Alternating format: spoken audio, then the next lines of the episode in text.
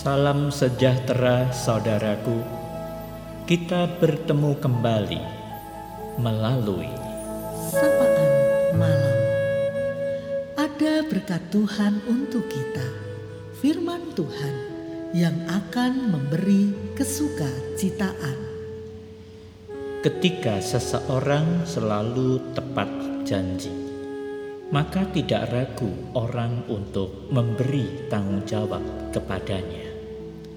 Di tengah-tengah sukacita Natal, malam ini firman Tuhan Lukas 2 ayat 25a, 26b, dan 28 hendak menyapa kita.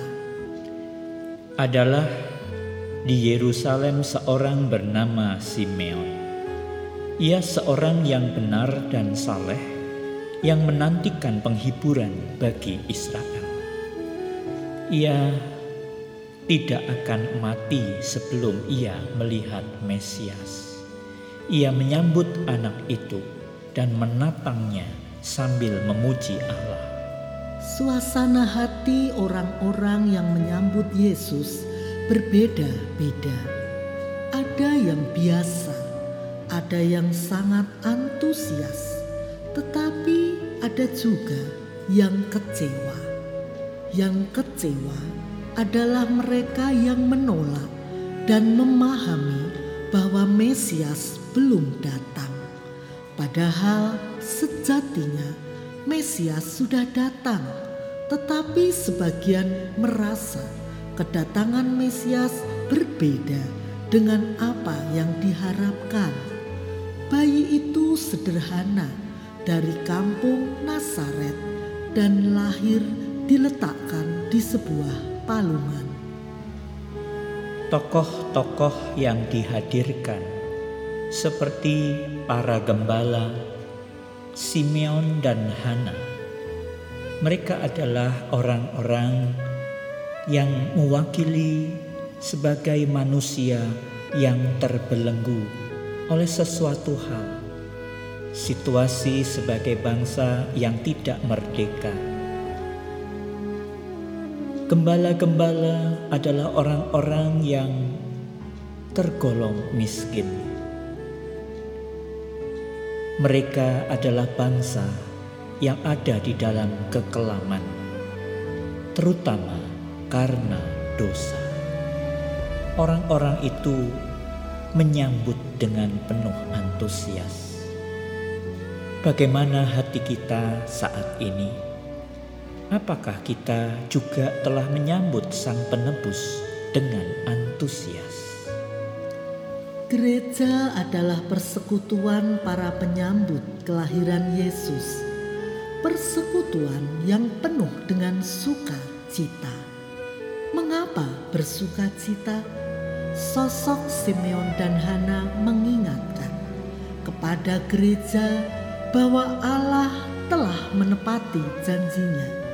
Juru selamat itu telah datang dan keselamatan telah nyata ada di dalam Yesus.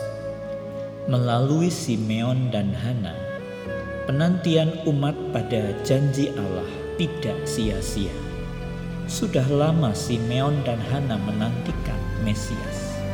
Mereka akhirnya dapat berjumpa dengan bayi Yesus di bait Allah.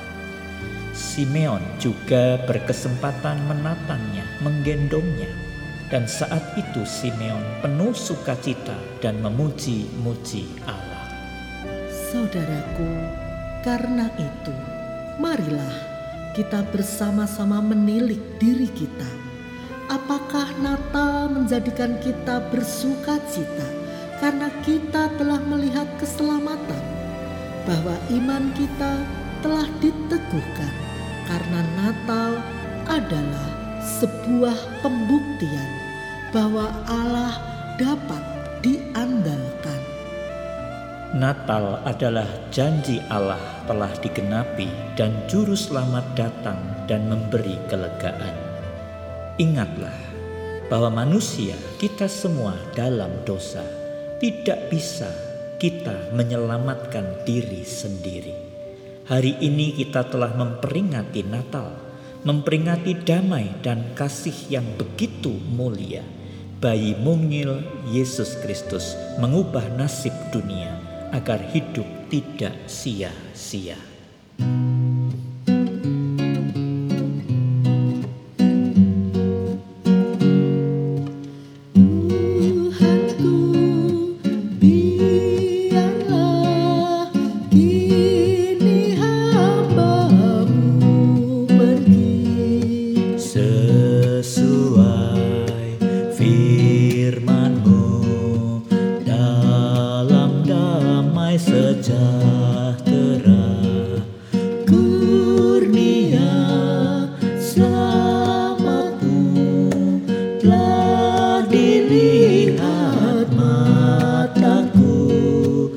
Selamatmu yang kau beri di hadapan dunia. Marilah kita berdoa. Bapa di surga, sungguh kami kembali bersyukur pada malam hari ini karena persekutuan yang boleh kami alami setelah kami memperingati Natal. Belajar dari Simeon, belajar dari Hana dan para gembala. Kehidupan kami bukan dalam keadaan yang bebas, bukan keadaan yang terang benderang.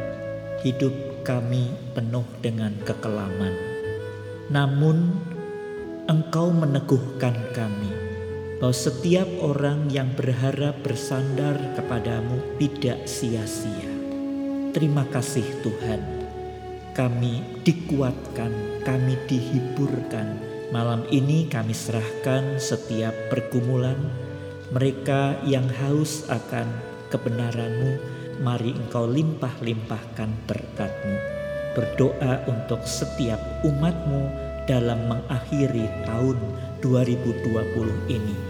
Kiranya kami bersama mengoreksi, menilik diri kami dan kami boleh terus mempercayakan hidup kami kepadamu. Di dalam nama Tuhan Yesus Kristus kami berdoa. Amin. Selamat malam saudaraku, selamat Natal dan teruslah bersuka cita karena Allah senantiasa menggenapi janjinya. Selamat beristirahat. Tuhan Yesus memberkati.